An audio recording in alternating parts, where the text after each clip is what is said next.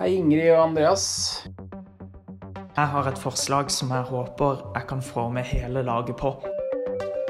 Jeg slår et slag for at vi setter et produksjonstak. Vi kan fylle verftshallene med offshore havvind og elektriske ferger. Forurenser må betale. Og hvis vi skal prøve å tenke på både rettferdighet og klima samtidig Jeg skjønner ikke. Nei.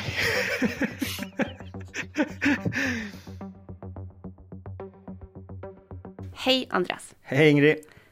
Det som eh, du og dere lyttere har hørt nå, det var en liten smakebit på de innspillene som dere lyttere har sendt inn til oss, og som vi snart skal høre mer fra.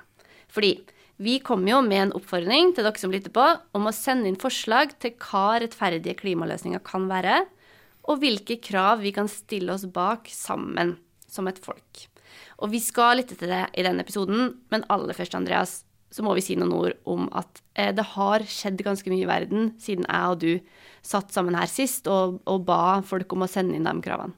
Det har det absolutt. Og det kan man si at det er alltid nye ting som dukker opp. Men, men det er klart den eksistensielle trusselen som klimakrisa er, den oppleves jo nå som sekundær i forhold til den umiddelbare, akutte krisen vi nå har i Ukraina, med de bombene som regner.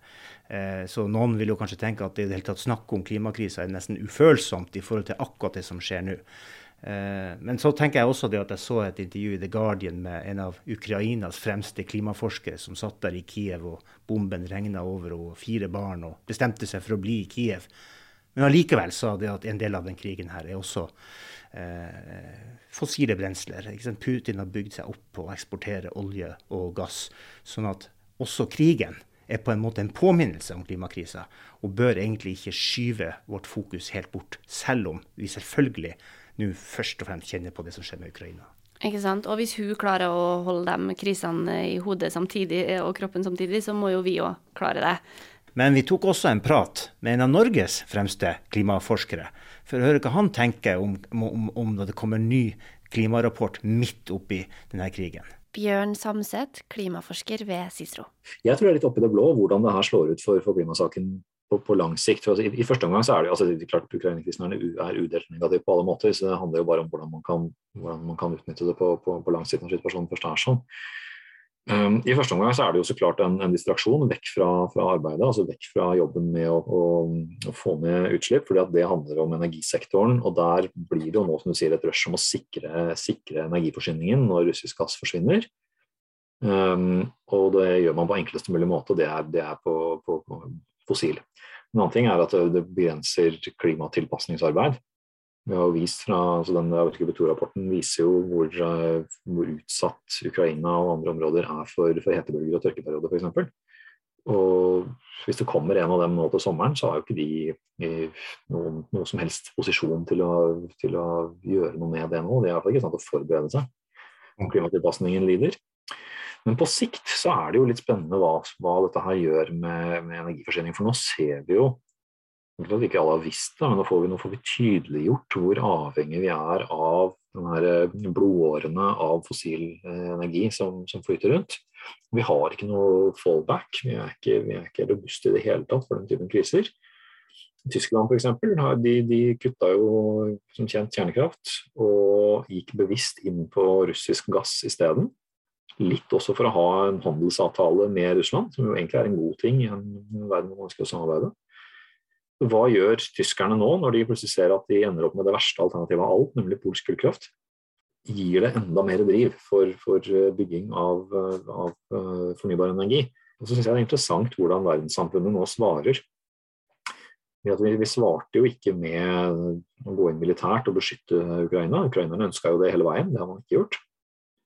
Vi har svart med moderne virkemidler, som er økonomiske sanksjoner og egentlig en ganske felles front. Og Det er igjen tilbake til det med at det viktigste vi gjør for å, for å redde klimaet, er å greie å samarbeide om det. Og når vi først hadde den på tråden, Andreas, så klarte vi heller ikke å dy oss til å spørre han litt om hvilke tiltak er det han kan eh, tenke på som rettferdige klimatiltak, som både kutter utslipp og som han tror at eh, Norge burde satse på? Så det, det handler jo først og fremst om å jakte på vinn-vinn-løsninger. Altså det, det, det, rapporten er veldig tydelig på, hvis du leser litt, er jo at uh, veien til nirvana omtrent er samarbeid. Altså internasjonalt samarbeid med da deling av teknologi og sånt. Det er noe én ting. Fokus på, på liksom de hovedtingene som ligger bak bærekraftsmålene. Altså uh, mat, matsikkerhet og helse og utdanning og kvinners rettigheter og alle disse tingene som, som egentlig er grunnlaget for bærekraft, og som også er med på å utjevne uh, rettferdigheten. Hvis du skulle ha lest den rapporten som en norsk folkevalgt og politiker, hvilke vinn-vinn-løsninger er det som liksom står fram ut for Norge, da, som Norge burde satse på? Altså jeg, jeg, pleier også å si at for Norges del, altså for, for alle, alle, må jo uh, spille på sine egne styrker. Og bidra der vi best kan. Og sånn Rent objektivt sett så virker det som om der vi har teknologien og fortrinnet å drive nå, det er på karbonfangst og -lagring, og det er på offshore vind.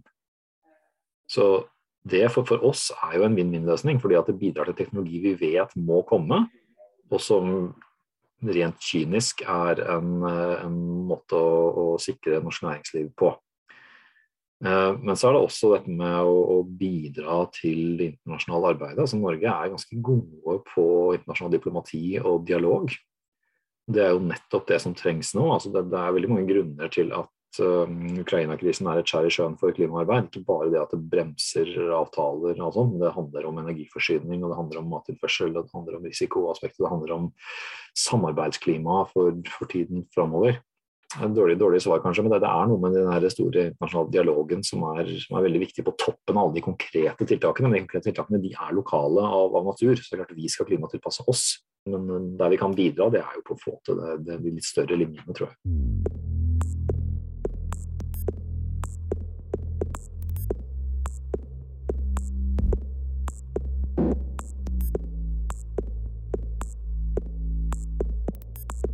Det er en interessant forskjell synes jeg, på, på, på utbruddet av covid-krisa, som jo på en måte er bagatellmessig nesten i forhold til det som skjer da. Men, men, da var det litt sånn Nei, vi kan ikke snakke om noe annet enn covid de første ukene, liksom, etter månedene etter eh, utbruddet av det i mars 2020.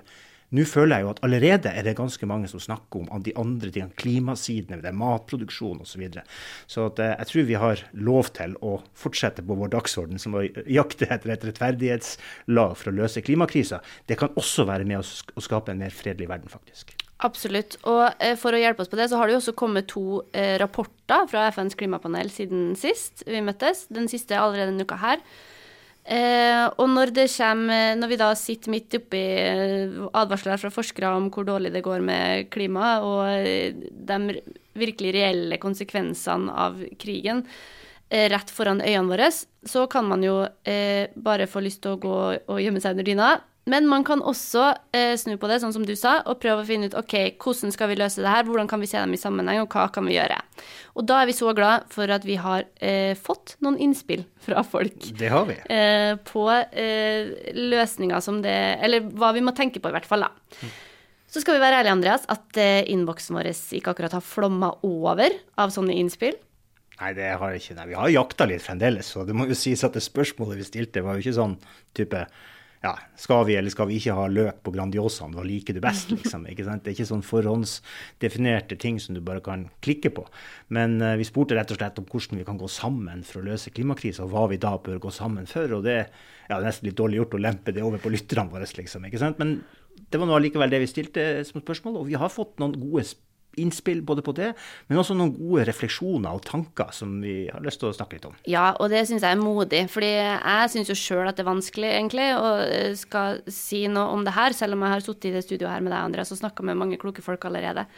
Um, men det har også kanskje noe med eh, vår rolle, Andreas, som journalist og forsker. Altså, vi er jo veldig gode til å stille spørsmål, eh, og ser på det som vår jobb, stille gode spørsmål eh, men ikke nødvendigvis gi svarene. Og så skal vi selvfølgelig se kritisk på de svarene som kommer, eh, men tradisjonelt sett så er det ikke noe sånn at vi nødvendigvis skal komme med noen løsninger. Eh, og det er jo også noe med at mange av de her tiltakene og kravene da, som vi ber folk komme med forslag til, det er jo noe som skal skje i framtida. Eh, selvfølgelig må det skje all allerede nå, men det skal også skje framover. Og da vet man ikke nødvendigvis effekten av dem. Så det kan være vanskelig da, å si hva som er riktig og ikke. Absolutt. Ja. Og du hadde snakka med Bård Lahn om det, hadde du ikke det? Jo, klimaforsker ved Cicero, eh, eller forsker mest på klimapolitikk, da, en samfunnsforsker. Og han snakka litt om det her at eh, kanskje må man bare akseptere at det ikke fins et fasitsvar i dag på hva av de tiltakene som er best. Fordi det er et stort eksperiment, men det unnskylder oss ikke fra å eh, prøve dem ut og gå for dem ut fra liksom best knowledge vi har, da. Absolutt, og det er jeg helt enig med han eh, Bård Lani. Har skrevet litt om det sjøl som forsker. Da, ikke sant? om at Hvis man skal bygge en veldig bred klimabevegelse, så må man ikke bare være tolerant, men til og med kanskje oppmuntre andre løsninger enn de kan man sjøl kanskje syns er de beste. Så det å ha det eh, holdninga i utgangspunktet er viktig. Også fordi at det trengs å gjøre så utrolig mange ting samtidig for å løse klimakrisen. Det er ikke ett tiltak. Bare det å tro at det er ett tiltak, er på en måte en slags feilslutning. Så, så ja, vi må ha en sånn toleranse. Men som du også er inne på, så vet vi at noen ting virker. Så jeg er jo annet også, i tillegg til å liksom være som du, utspørrer, utfordrer folk, så har jeg også skrevet bøker og artikler hvor jeg tar til orde for 100 000 klimajobber, altså jobber som kutter utslipp. Eh, jeg holdt et foredrag på Broen til fremtiden i 2020 hvor jeg sa at vi må gjøre litt sånn som Karius, Karius gjør i kjeften på Jens. Vi må liksom slå et sted vi vet det ja, gjør vondt, var det i den historien der, da, men vi må slå et sted det gjør godt. Vi må vi kan ikke bare si at liksom markedet skal ikke plukke vinnere, sånn som Atle Tranøy har, har sagt eh, i flere sammenhenger eh, tidligere. Eh, men vi er nødt til å satse på det vi vet kutter utslipp. Så da eh, skal vi høre litt på hva folk har sendt inn av forslag, rett og slett. Og det aller første innspillet vi fikk, eh, det var fra en som heter Espen, som bor i Oslo. Skal vi høre på det? Hei. Takk for en veldig fin podkast. Etter å ha hørt alle episodene, så lurer jeg på om ikke det er bedre å snakke om en solidarisk omstilling heller enn å snakke om en rettferdig omstilling. Rettferdighet og urettferdighet det er ord som vi ofte bruker når vi argumenterer for hva slags rettigheter du og jeg har. Og da er det jeg og meg og mine som står i fokus. Jeg mener ikke at det er galt å bruke ordet rettferdighet. Det er viktig at omstillingen blir så rettferdig som mulig. Men jeg syns fellesnevneren for mye av det som har blitt sagt i podkasten, er at vi må klare å ta inn over oss interessene og behovene til de andre også. Og Da er det ikke nok å si at man tar hensyn, da må man faktisk ta hensyn også så er det kanskje en utfordring at solidaritet er et begrep som mange oppfatter som politisk lada, et begrep som til en viss grad eies av visse samfunnsaktører. Men hvis man ser litt objektivt på begrepet, så handler det vel om at vi tar valg og handler ut fra mer enn bare kortsiktig egeninteresse, sånn at vi på lengre sikt kan få en bedre verden for alle, eller iallfall flere enn vi ellers ville ha gjort. Jeg tror det er viktig at alle forsøker å forstå interessene til de som vil noe annet enn oss selv. Jeg tror faktisk det er nøkkelen til å finne de beste løsningene og komme videre med omstillingen på en måte som ikke skaper enda mer polarisering.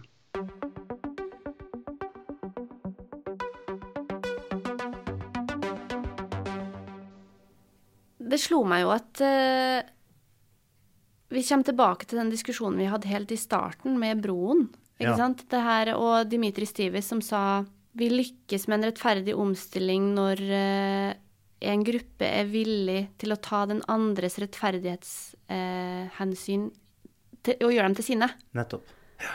Det er litt det han snakker om. Ja, og så er det kanskje det at ved å bruke ordet rettferdighet, så peker det mer på liksom meg, meg, meg, liksom. Mens da solidaritet kan være et ord som er lettere liksom gjør at vi tenker vår egeninteresse kobla til andres interesser. Mm. Nå er det jo litt sånn kjært barn har mange navn her. Jeg husker Ingeborg Midtdømme. Hun snakka jo om nestekjærlighet, biskop Ingeborg i, i Glasgow til meg. Eh, og nestekjærlighet og, og, hvordan det henger sammen med egeninteresse, er også en måte. Så her, her kan man kalle det forskjellige ting. Men jeg syns Espen har et godt poeng at hvis solidaritet betyr at man støtter andre sine kamper, så retter det kanskje blikket mot andres rettferdighetshensyn mer da enn hvis man bare tar utgangspunkt i seg sjøl. Ja, og vi fikk et litt lignende innspill fra en annen fyr også, som ikke nødvendigvis var et konkret krav, men som var en refleksjon eh, rundt eh, hva denne podkasten hadde fått ham til å tenke på. Vi skal høre på det. altså. Det er fra en som heter Petter. Hei, Ingrid og Andreas. Eh, dette er Petter. Eh, tusen takk for en veldig spennende podkastserie. Én ting jeg tenker på, er at det er veldig klart hvordan oljearbeiderens bekymring over å bli befengt med oljeskam og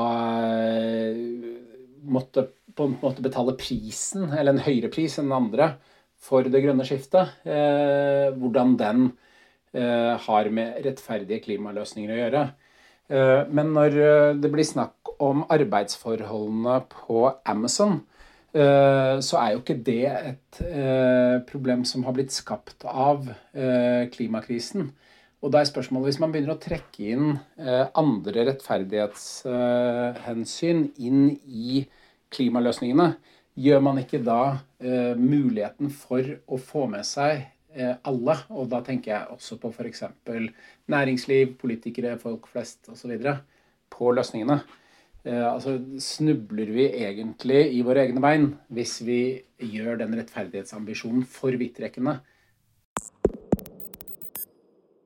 Her hører jeg jo en sånn bekymring som vi har bala litt med i hele denne podkastreisen, Andreas, som er det her med at eh, verden er urettferdig. Det er ikke tvil om at det gjenstår masse arbeid for å dele godene og gjøre den mer rettferdig. Eh, men, men, liksom, må vi gjøre alt det først, før vi håndterer klimakrisa, eller haster klimakrisa så mye at vi må liksom bare hoppe over noen av de rettferdighetskampene, liksom, og kjøre klimakrisa først? Mm. Så tar han jo opp et annet spørsmål, det er jo det med næringslivets rolle generelt i det her. Hvorfor er ikke næringslivet en helt sentral del av et sånt rettferdighetslag? Vi har snakka om folkelige krefter. Og bare så det er sagt, innenfor Broen til framtiden så har vi hele tida hatt folk som ønsker å ha mer kontakt med næringslivet, og på årets konferanse så er det jo eh, næringsministeren som kommer til stede. Samtidig så, så er det jo sånn at hvis ikke de som skal være med, også har et veldig klart blikk for rettferdighet, hvis de kanskje har en interesse for å fremstille seg sjøl som mer miljøvennlig enn de er, så kan vi være litt skeptiske. Og det er jo det som er litt vanskelig med næringslivet også, fordi at de konkurrerer jo med hverandre om å vinne markedsandeler osv. Mens folkelige krefter, bønder, fagbevegelse, vanlige folk osv., vi trenger jo å finne sammen. Ikke først og fremst for å tjene penger på det her, men for å mobilisere vår frykt og vår bekymring for det som nå skjer med klimaendringen. Og så kan man jo også si at selv hvis det ikke fantes folkelige krefter for å løse klimakrisa, så vil vi ha deler av næringslivet som jobber for et grønt skifte uansett. Absolutt. Og han Petter Karal er virkelig et eksempel på det. Han tok til og med kontakt med meg og sa skal vi ha et toppmøte, André? Så kom vi kantina, kom i kantina her på Oslo Met, og vi snakka sammen. Det var en kjempefin samtale. Og han har ei fartstid som både jobber med å levere teknologi til havvindmøller og sitter i styret i Verdens naturfond. Så her har vi en person som både er opptatt av næringslivet og alt det de gjør, og som samtidig er dypt bekymra for klimakrisa. Og den type krefter virker jo samtidig som de folkelige kreftene vi har hatt i fokus i denne podkasten. Absolutt. Og så kan man jo også si at altså i den forstand vi har snakka med eh, næringslivet, da, så har vi i hvert fall snakka med oljebransjen. Altså i form av arbeidere. Oljearbeidere. Det er riktig. Nå fikk vi ikke noen eh, innspill eh, inn fra oljearbeidere sjøl opprinnelig, men så tenkte du Andreas jo, men vi må høre litt mer fra dem, så du tok kontakt med ei som du kjenner. Ja, jeg har jo fortalt før om at jeg jobber med et sånt TV-dokumentarprosjekt og i et forskningsprosjekt som også er i kontakt med mange eh, oljearbeidere. Og en av de som har eh, truffet der, det er som heter Jorunn Birkeland. Hun sitter i fagforeninga NITOS sitt nyoppretta ekspertutvalg innenfor petroleum, og har jobba mange år med sikkerhet innenfor petroleum. Både i jobben og som tillitsvalgt. Og faktisk, Ifølge bedriften så var hun den første kvinnelige fagarbeideren som ble ansatt på Gullfaks A. Det er, og er mer enn dokumentar. Det er skikkelig kult. Og har hatt eh, flere samtaler med. Så hun eh, spurte jeg litt. Hun hadde hørt på podkasten, og hun sendte inn et lydspor. Jeg har hørt på podkastene deres eh, om rettferdig omstilling, og syns dere har fått fram veldig viktige spørsmål og dilemmaer på en veldig fin, balansert og faktisk veldig spennende måte. Men i podkasten om de som jobber i olja, der savner jeg et vesentlig perspektiv. Som dere sier der, så er jo vi oljearbeidere også opptatt av klimasaken. Vi er også bekymra og føler på dilemmaet mellom omstilling og risiko for tap av arbeidsplasser, kompetanse og viktige inntekter til landet. Men alle oljearbeidere jeg kjenner, er også opptatt av flere andre sider av saken som bl.a. hvordan olja produseres. Altså gode arbeidsforhold og sikkerhet, energieffektiv drift, lave CO2-utslipp osv. Og så er det noe svært viktig som henger tett sammen med dette, nemlig at oljearbeiderne faktisk produserer noe som verden fortsatt trenger for å opprettholde energisikkerheten. Dette dilemmaet med at olje og gass er og vil være en viktig ressurs i lang, lang tid framover, det dilemmaet må også belyses.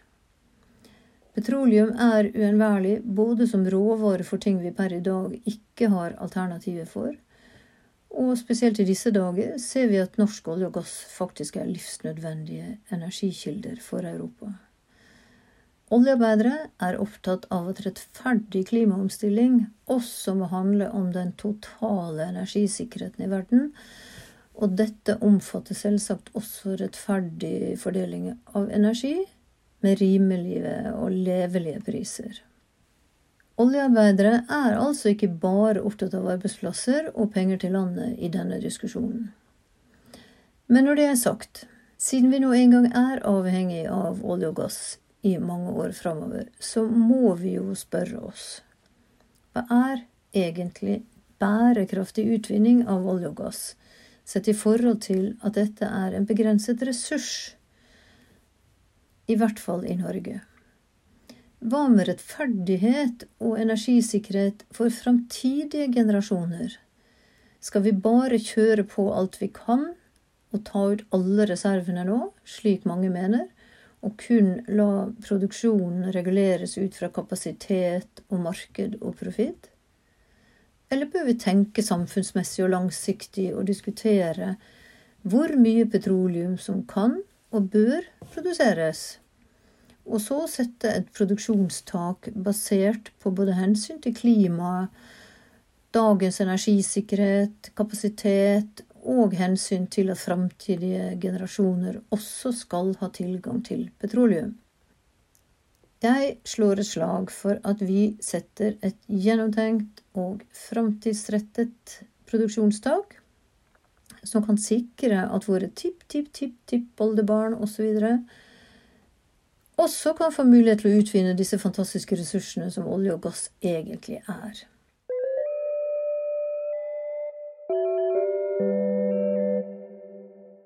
Ja, hva tenker du det, Ingrid? Det, er det sånn at vi kanskje risikerte å fremstille liksom, oljearbeideren som bare opptatt av olje i betydning penger, men at ikke vi skjønner at olja er jo faktisk en helt dyrebar ressurs som faktisk må brukes i mange sammenhenger. Utover det å brennes i en bil eller i et fly osv. Ikke sant. Og noen ganger så kanskje det ja, nettopp det perspektivet forsvinner litt når vi snakker mye om at vi må kutte i olje- og gassproduksjonen og bruken eh, vår. Eh, samtidig så er det jo sånn FNs klimarapporter sier jo at vi må ned til netto null. Eh, hvis vi skal bevare den ressursen og fortsatt bruke den, så må mm. vi ha en plan for hvordan det ikke skal føre til utslipp. Ja, men der var jo det som jeg syns var det spennende. Så det, det oppleves som et litt eh, nytt og originalt perspektiv, det her med et produksjonstak. Fordi at ved å ha et samfunnsperspektiv på hva vi faktisk bruker olja til, både at vi kanskje kan sette et, eh, et tak på hvor mye vi skal ha, ikke sant? men også at vi ikke bare tenker på det som en eh, kilde til profitt og penger, men at det er samfunnsmessig behov f.eks. fremtidas generasjoner som også skal være med å styre det. Det tenker jeg gir et veldig godt utgangspunkt for en sånn diskusjon mellom oljearbeidere og andre som vil være del av det samme rettferdighetslaget som skal løse klimakrisa. Kanskje det er en bedre vei enn den derre letestopp eller, eller sluttdato, eller fordi at man rett og slett snakker om olja som et uh, samfunnsspørsmål. Og det er jo noe som framtidas generasjoner virkelig har meldt seg på i debatten om også. Altså Mye av det hovedbudskapet til skolestreikerne har jo nettopp handla om oljeutvinning. Men da mer kanskje eh, en stans i leting. Eh, men kanskje det går an å finne en dialogarena her der vi snakker om andre typer tiltak. Nettopp ja. som du er inne på, produksjonstak f.eks. Ja, ikke sant? og jeg bare, det er en forsker her på, på, på Oslo Met som heter Marianne Takle, som har skrevet litt om det, hvordan oljefondet har blitt liksom hele tida snakk om fremtidas generasjoner. Men så stiller hun spørsmålet ja, men skal ikke fremtidas generasjoner sjøl være med å bestemme hva olja skal brukes til?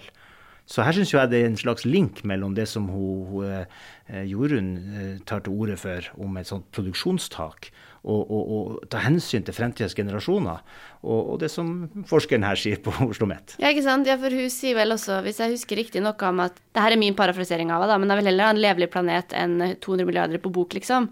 Og vi har fått inn et innspill fra en av dem som er ung i dag også, faktisk, til podkasten, ei som er med i Natur og Ungdom, som heter Vilde. Vi skal høre hva hun sier. Vi i Natur og Ungdom deler bekymringen til skolestreiker Emma i episode fire. Det er frustrerende å se politikere snakke om klima- og naturkrisen, men ikke gjøre noe med den. Det største problemet er ikke at vi mangler løsningene. De har vi visst om lenge. Men norske politikere er handlingslamma og tør ikke å satse på dem. Ser man til nabolandene våre, har de allerede fått i gang store investeringer. Skottland auksjonerte bort havvindoppdrag tilsvarende tre fjerdedeler av den norske vannkraftkapasiteten på én enkelt dag. Et svensk statseid gruveselskap skal bruke 400 milliarder på å utvikle hydrogen. Alle nabolandene våre har startet storsatsinger i grønn industri, men i Norge er olja rett og slett for lønnsom til å gå bort fra. Vi mangler ikke løsningene på grønn omstilling, vi mangler arbeidskraft. Vi kan fylle verftshallene med offshore havvind og elektriske ferger. Vi kan bygge batterifabrikker driftet på fornybar energi. Dette er lønnsomme næringer som vi vet at fremtiden trenger. Og da er det enormt viktig for norsk industri å være konkurransedyktig og starte tidlig.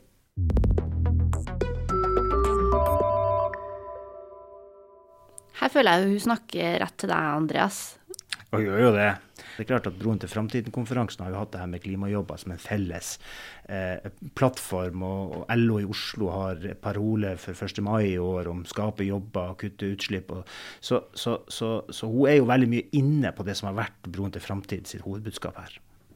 Og et annet innspill vi har eh, fått sendt inn, som også handler om framtidige generasjoner sine behov og perspektiv, det fikk vi fra Anders Skrede, som er fra Naturviterne, og som også er aktiv i Broen. Skal høre på det. Først og fremst så handler eh, klimarettferdighet for meg om det moralske ansvaret vi har for framtidige generasjoner, og de konsekvensene barn og ungdom kan bli tvunget til å måtte håndtere dersom vi ikke reagerer raskt nok. Og jeg tror at når vi diskuterer rettferdig klimaomstilling, så må vi bli enige om noen absolutte grenser for naturen og for klimaet, og hvilke konsekvenser det skal få dersom de grensene brytes. For når vi skal veie ulike hensyn opp mot hverandre, slik som naturhensyn og klimatiltak, opp mot hensyn til arbeidsplasser og verdiskapning, så er det vanskelig å be noen enkeltperson om å være en av de som bærer byrden. Vi prøver hele tiden å skyve litt på problemet. Vi lar naturen betale prisen for vår manglende evne til å begrense oss, og vi lar klimaet håndtere våre stadig økende utslipp. Og det vi da gjør, er jo å skyve problemet opp på framtidige generasjoner. Og jeg tror at det er et problem at det har en altfor lav kostnad sosialt og økonomisk om en bedrift eller virksomhet slipper ut farlige klimagasser, eller bygger ned verdifull natur, eller henter ut altfor mye ressurser. Og Det er et problem her, fordi om vi ikke setter tydelige grenser, så evner vi heller ikke å stå trygt på klima- og natursparti. Vi evner ikke å tale framtidige generasjoners sak når vi skal veie ulike hensyn opp mot hverandre. Fordi det er det som er så vanskelig, og det er da naturen og klimaet blir taperen på en måte så er vi allerede på vei dit at disse grensene for naturen og for klimaet begynner å bli tydeligere. Vi har internasjonale mål for klimagassutslipp. Vi har fått CO2-avgift i Norge. Vi har kvotemarkeder. Vi har verneområder. Vi har rødlista arter. Det er masse ulike forbud mot forurensning og forsøpling. Og alle disse reguleringene og ulike mekanismene de er jo der for å tøyle og begrense menneskelig aktivitet. Men framover så tror jeg vi trenger en mye sterkere moralsk diskusjon og forståelse for naturen og klimaet sin egenverdi og hvilke konsekvenser det bør få når vi overskrider tålegrensene. Og Da tror jeg samtidig at vi må vege oss noe vekk fra diskusjoner om individuelt ansvar og hvordan vi kan påvirke som forbrukere. Og så må vi over til å diskutere mer absolutte grenser som er allmenne og som gjelder på systemnivå. Det er nemlig helt opplagt da, at klimaomstilling i en del tilfeller vil oppleves som urettferdig, spesielt for enkelte i vår generasjon. Men samtidig så må det veies opp mot det, det, det kommende generasjoner mister eller taper. Muligens altså for all framtid. Og det er en kjempevanskelig øvelse. Men det er dette moralske spørsmålet som klimakrisen stilles overfor. Altså hvordan vi setter grenser i dag på vegne av framtidige generasjoner. Det er rettferdighetsspørsmålet. Og det poenget om at vi må sette noen absolutte grenser for å ta vare på naturen, sånn at det ikke bare blir oppe til eh, den kommunen og det hyttefeltet, eller ikke sant. Dette er jo en diskusjon vi er kjent med, Andreas, men det er også vanskelig, for hva, hva skal en sånn grense være, f.eks.? Det er veldig vanskelig. Men jeg, jeg, tror han har et veldig viktig poeng at det må bli så konkret som ja, vi bor i Oslo, Ingrid. ikke sant? Markagrensa i Oslo. Jeg bor faktisk helt på markagrensa. Du har veldig lyst til å bygge bitte litt over der? Ja da, ja da og, og kunne godt tenke meg at skogen var høy, så fikk litt mer sol inn osv. Men der er det noen absolutte grenser. Det er helt konkret. Det er ikke sånn i et FN-dokument et eller annet slags sted. Der stopper det. Ikke sant, for naturen har jo noen konkrete tålegrenser. Det er jo så og så mye den tåler, liksom. Så det er jo ikke sånn at de grensene ikke finnes. Men det, og, nettopp. Men poenget er at de, de, er det på et sånt globalt plan. Mm men de er liksom ikke de, de, styrer ikke på en måte de beslutningene vi tar på et lokalplan, f.eks. Nettopp. Så det eh, enig i at det syns jeg vi burde snakke mer om. Og noen som burde være med i de samtalene, og som kjenner på det her hver dag, det er jo bønder. Absolutt. Som vi har også hatt med i, i episodene våre i podkastserien her. Vi har også fått et innspill fra Kjersti Hoff, som er leder av Norges bonde- og småbrukarlag. Vi skal høre på hva hun sendte inn til oss. Matsikkerhet er viktigere enn noen gang. Vi i Norsk Bonde- og Småbrukerlag har sagt det lenge. Nå er det om å gjøre å bygge opp en landbrukspolitikk i Norge slik at vi bruker våre norske ressurser, både i jord og beite, i hele landet.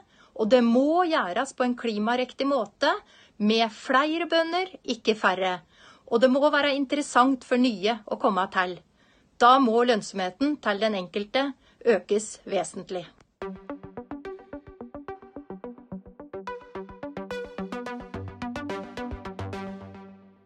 Ja, og det, det, det her eh, kravet her, som, som Kjersti Hoff har sagt, det her har bøndene vært opptatt av lenge i Norge. Og vi hørte det også i tidligere episoden av podkasten, at vi har bønder som er opptatt av det her. Og på mange måter så er det tradisjon som er viktig her. Men, men det er ingen tvil at de også har et poeng om at det har blitt enda mer vesentlig med det som skjer nå med Ukraina. For det er klart, det ser vi i diskusjonene nå.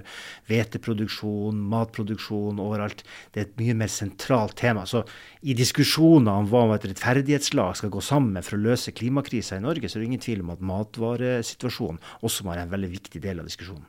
Men nå må det jo sies at det har ikke bare vært snakk om at det er vesentlig med norsk matproduksjon. Noen har jo også tatt til orde for økt produksjon av olje og gass i kjølvannet av krigen med, mot Ukraina. For å erstatte den russiske? For å erstatte den russiske, ikke sant.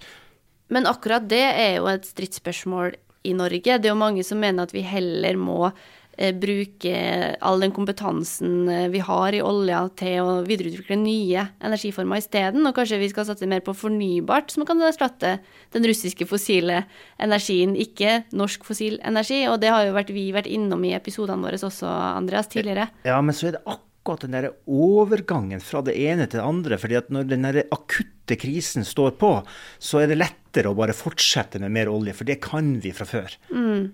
Og der har vi fått inn et innspill. Det innspillet er fra Andreas i Greenpeace. Vi skal høre på det. Hei, mitt navn er Andreas, og jeg jobber som rådgiver i Greenpeace Norge. Og jeg har et forslag som jeg håper jeg kan få med hele laget på. Og det er å lage et statlig program for omskolering og videreutdanning av de som jobber i dagens fossile næringer, men snart skal over i de fornybare. For det er jo sånn, eh, som vi alle vet, verden skal kutte utslipp, og vi skal gjøre det lynraskt. Det betyr at alle de som jobber i dag i fossile næringer, sånn som i oljenæringa, eller som omgjør eh, fossil energi til hydrogen eh, Alle disse arbeidsplassene skal over tid over inn i det fornybare. Og i Norge så har vi kjempegode muligheter til å bygge opp nye fornybare arbeidsplasser. Men den største hindringa mot vekst i disse næringene, det er mangel på kompetent arbeidskraft. Og vi trenger ikke å se lenger enn til norsk sokkel for å finne mange av de smarteste og flinkeste arbeiderne vi har, som vi trenger i fornybare arbeidsplasser. Så er det klart at mange av disse, f.eks. ingeniører, vil kunne hoppe rett videre inn i en fornybar jobb. Men vi må også anerkjenne at veldig mange av de som jobber i dagens oljenæring, eller andre fossile, arbeidsplasser, de har lav eller ingen utdannelse, og de vil trenge etterutdanning eller videreutdanning for å gå inn i en ny fornybar jobb. Der burde staten stille opp, og det burde vi kunne kreve sammen.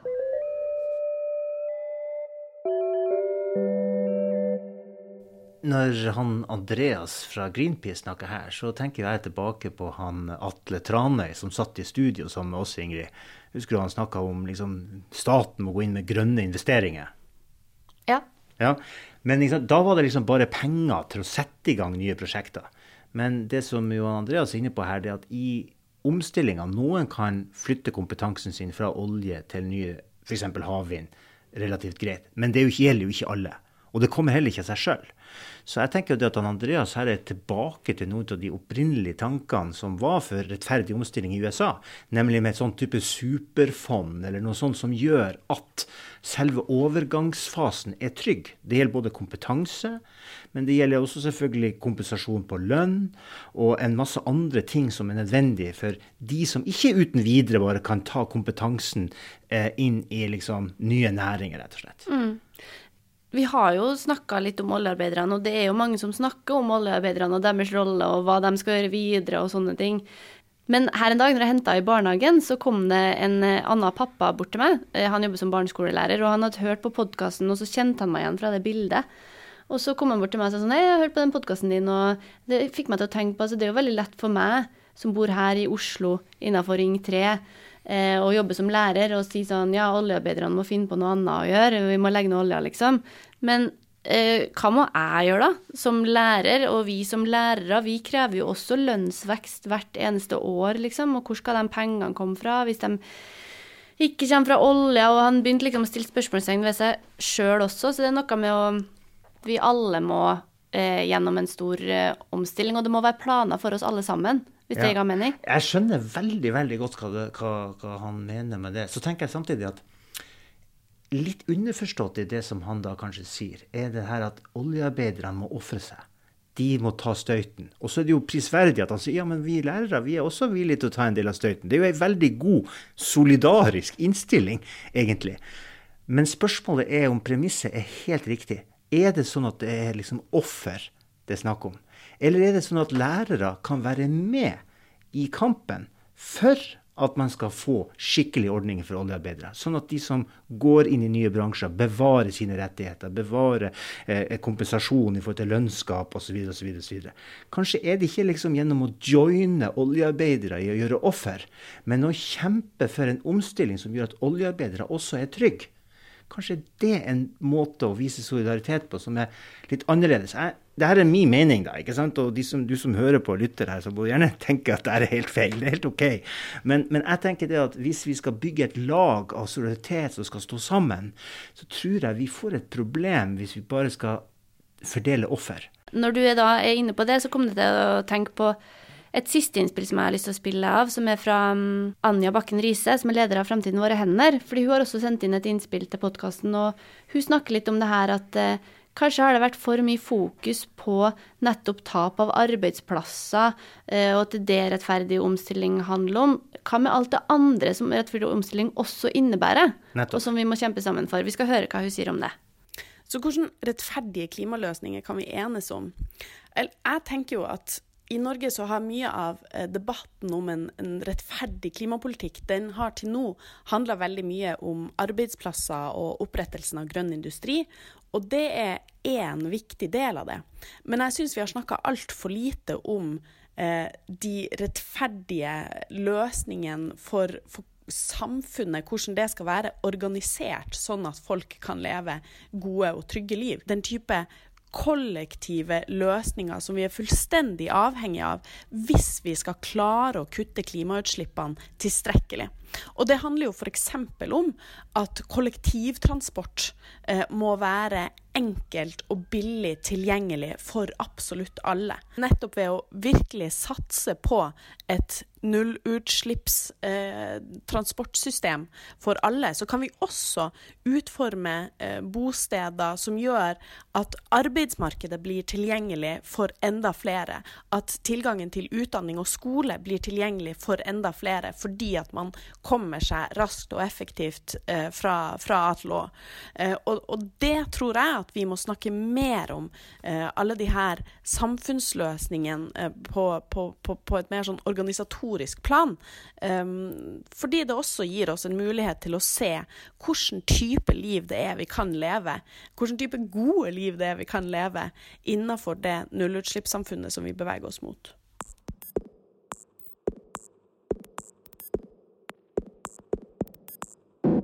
Ja, Ingrid, jeg har nettopp lest ferdig faktisk Anja Bakken Rises i bok 'Mitt klimaregnskap', så jeg får liksom masse tanker med en gang når jeg hører Anja si det her.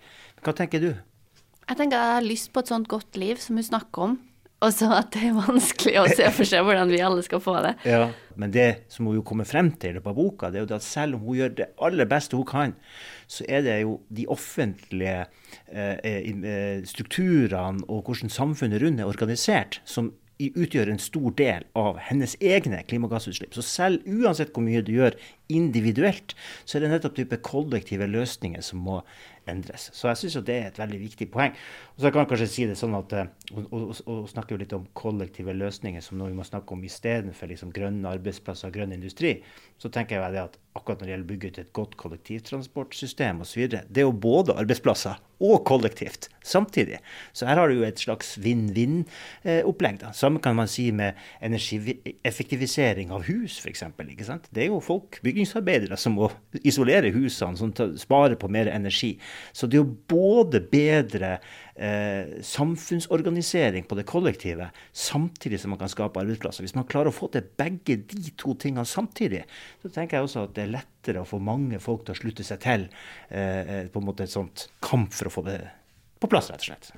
Og i det så ligger det jo et håp, tenker jeg, i det du sier nå, i det Anja sier. Hvis vi kan få til det Eh, og jeg sa i stad at jeg skulle spille det siste klippet med Anja, men det er ett klipp, det faktisk, som kommer fra en eh, prest. Ja. Asle Rossavik, som er sykehjemsprest i Oslo bispedømme, han har også sendt oss et lite klipp som handler nettopp litt om håp. Da jeg vokste opp, pleide det å stå en mann i Stavanger sentrum med et skilt der det sto 'Enden er nær'. Venn om. Mange lo, og noen ble kanskje litt skremt. Og jeg har jo sjøl møtt mange mennesker som eh, har også tatt avstand fra kirken og kristendom pga. denne dommedagsforkynnelsen som de møtte. Og litt på samme måte opplever jeg det nå i forbindelse med klima- og naturkrisen. Mange blir skremt, og mange ler og avviser det, og fortrenger det kanskje. Eller de tror ikke på det. For å ta inn over seg klimakrisen, for å gjøre noe med den, så må en jo faktisk tro at det er en krise. Så tro er viktig. Og de krisene vi har stått opp i de siste årene nå, med pandemi og også nå med krig, har vist at eh, handling er mulig. Ekstrem handling og akutt handling når vi står overfor en stor krise. Så hvordan vi kan få folk til å innse at det faktisk er en enorm klima- og naturkrise som egentlig overgår alt av det andre vi står oppi nå, det en stor utfordring. Men det tror jeg er punkt én. Folk må tro for å få håp. Og som fører til handling. Og det her kommer vi jo tilbake til nesten i hver episode, Andreas. Ja. Vårt behov for Ja. håp. Ja, det er jo det. Absolutt. Om at det finnes en løsning her, og om at vi er på vei et sted som er nettopp godt, og at vi kan løse de krisene vi står oppi. Ja, må jeg si at det er jo litt morsomt å høre en prest snakke om liksom den der klassiske beskyldninga om dommedagsprofeti fra kirken osv. Det er jo sånn som jeg som har jobba med klima i mange år, har sjøl sjøl slutt med de dommedagsprofetiene. Og vi har jo vært inne på at enden kanskje kan være nær. Men Andreas, han hadde også et forslag til et konkret tiltak som vi kan gjøre for å kutte klimagassutslipp på en rettferdig måte. Når det gjelder rettferdige klimakrav, så er det viktig, tror jeg, at det skal lønne seg å ta klima- og naturvennlige valg. Og det skal koste å gjøre det motsatte, altså å forurense. Forurenser må betale. Og et rettferdig krav nasjonalt, tenker jeg, er at vi får på plass eh, karbonavgift til fordeling. Som gjør at en da må betale for å forurense, og at en i motsatt får kompensert og får tilbakebetalt rett i eh, lønnssekken, holdt jeg på å si, i lommeboka når en da lever mer klima- og miljøvennlig. Og en sånn karbonavgift til fordeling, det er det ikke bare presten som snakker om.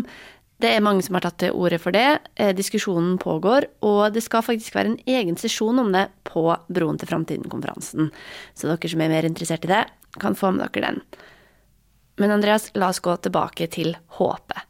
Det håpet har vi jakta på i løpet av denne podkastserien, eh, og vi fortsetter jakten. Eh, denne jakten kulminerer i en sesjon på Broen-konferansen den 8. april, som vi håper at dere som lytter på nå, kommer på.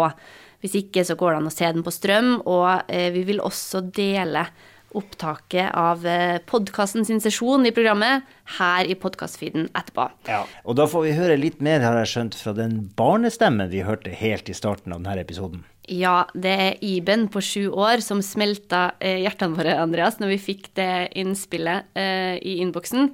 Eh, det er dattera til Anders Grede, som vi har hørt litt fra i denne episoden, og hun skal dere få høre mer av på den konferansen.